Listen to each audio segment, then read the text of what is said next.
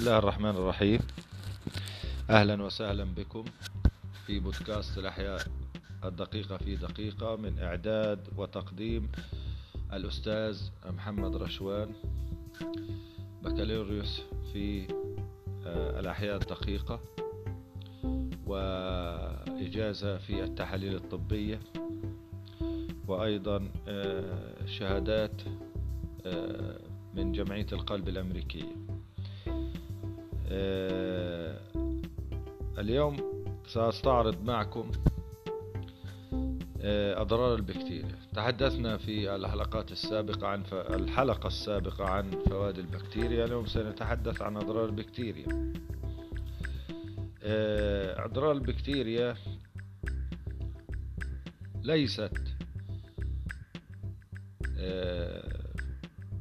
مساوية لمنافع البكتيريا. منافع البكتيريا عديدة وكثيرة. واستعرضنا في الحلقة السابقة منافع كثيرة للبكتيريا آخرها أنها تستخدم في خرسانة البناء. اليوم سنتحدث عن أهم الأضرار والأمراض التي تسببها البكتيريا. أه تحدث البكتيريا التهابات جلدية. والالتهابات الرئوية وأيضا التهاب السحايا. أيضا من أضرار البكتيريا أنها تفسد الأطعمة المكشوفة أي تسبب لها العفن. طبعا كل آه كل الأغذية المكشوفة سواء آه سواء خضار أو فواكه أو أكل مطبوخ أو أكل ني أو لحوم. كلها يصيبها العفن إذا كشفت.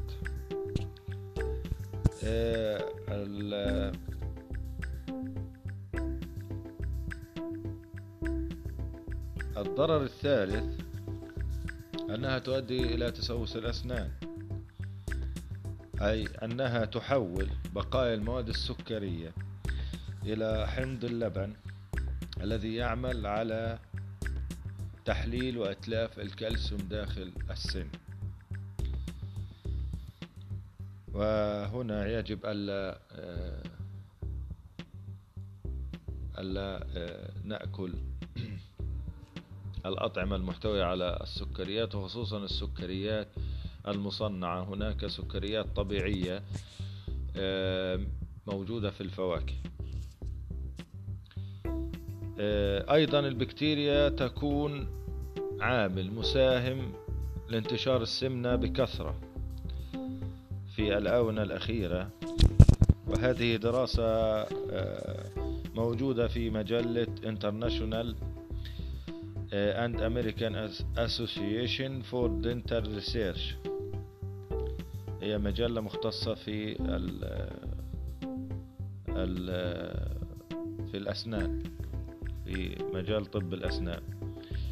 أيضا هناك حالات تسمم غذائي تسببها السالمونيلا. السالمونيلا هي عامل السالمونيلا بكتيريا السالمونيلا والشيجيلا نوعان من البكتيريا يسبب الإسهال. أيضا بكتيريا الكلوستريديوم التي تسبب التسمم الغذائي أيضا وتسبب الإسهال أيضا. نستعرض الآن أهم الأمراض البكتيرية التي قضت على العديد من المرضى. أي سببت لهم الموت. المرض الأول هو الكوليرا. الكوليرا هو مرض يصيب الأمعاء وهو ناتج عن تناول أطعمة ومياه ملوثة لجرثومة الضمة الكوليرية أو الفايبرو كوليرا يسبب الوفاة بسبب فقدان سوائل الجسم بواسطة الإفرازات من الأمعاء والتقيؤ إذا بكتيريا الكوليرا تصيب الأمعاء وتحاول إخراج الماء من الجسم بكافة الطرق حتى تسبب له الجفاف وفي النهاية الموت. المرض الثاني الخناق أو الدفتريا. آه، وهو ناتج عن جرثومة تسمى بالجرثومة الوتدية الخناقية أو كوريني بكتيريوم ديفتيريا آه، وهو ينتشر خلال الشتاء والربيع آه، من من السنة ويصيب الغدد الليمفاوية. طبعا آه، الخناق يصيب طبعا كان يقتل أعداد كبيرة من من الناس لكن الآن يعالج بالمضادات الحيوية مثل البنسلين والأريثروميسين. مرض الثالث الزحار أو دايزنتري. هو اضطراب في الأمعاء وخاصة القولون يؤدي إلى إسهال شديد. الإسهال يحتوي على الدم والمخاط في البراز مع حمى وآلام في البطن وزحير. الزحير هو الشعور بأن آه، الإنسان عندما يتغوط يشعر بأن التغوط غير مكتمل وأن في معدته آه، غذاء أو أكل. يريد أن يخرجه من جسمه. الطاعون المرض الرابع الطاعون أو ال plague. آه، الطاعون هو عدوى بكتيرية عن طريق البراغيث. إذا هناك عامل مساعد للبكتيريا البراغيث. آه، البكتيريا المسببة للطاعون تسمى Yersinia pestis. Yersinia pestis. وسميت هذه البكتيريا على اسم العالم الفرنسي السويسري ألكسندر يرسن ويمكن أن تنتشر عن طريق الطعام أو المواد الملوثة غير المطبوخة جيدا. إذا يجب طبخ الغذاء جيدا آه، حتى يغلي. يصيب الطاعون عدة أماكن. عدة أماكن منها الطاعون الدبلي. ويصيب الغدد الليمفاوية. والطاعون المسمى طاعون إنتان الدم يصيب الأوعية الدموية. وهناك الطاعون الرئوي ويصيب الرئتين. آه، أعراض هذا المرض تتمثل في حمى وقشعريرة وصداع وتعب وألم في العضلات وإسهال وقي ونزيف من الفم واسوداد وموت الأنسجة وصعوبة في التنفس وألم في الصدر. آه، هو مرض خطير قتل ملايين من البشر.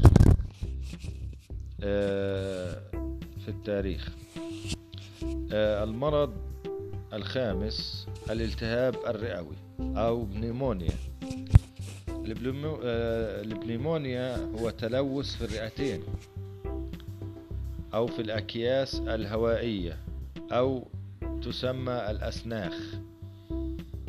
آه، وتسمى باللغة الإنجليزية أليفيولاي يصاب كل عام بالالتهاب الرئوي وهو مرض آه، منتشر من 2 إلى مليون شخص كل عام.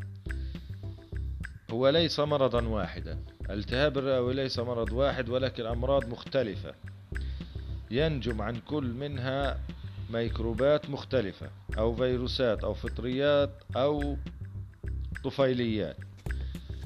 آه، من أعراض هذا المرض آه، الألم في الصدر والقشعريرة أو الحمى وضيق التنفس.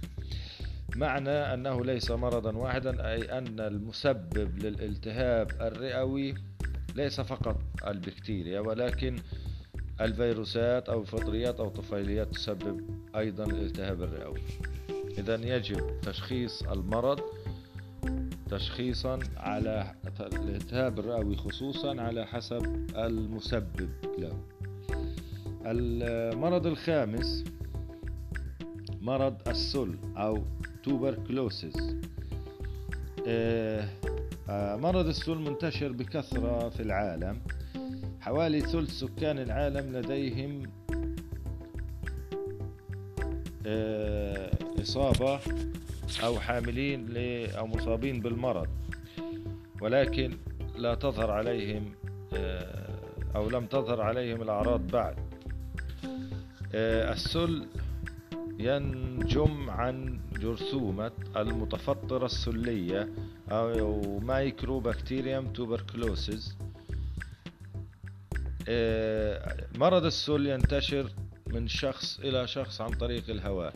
أي في يجب أن نطبق آه، قاعدة التباعد الاجتماعي آه، دائما. هذا وفي نهاية هذه الحلقة. أتمنى أن أكون قد أفدتكم.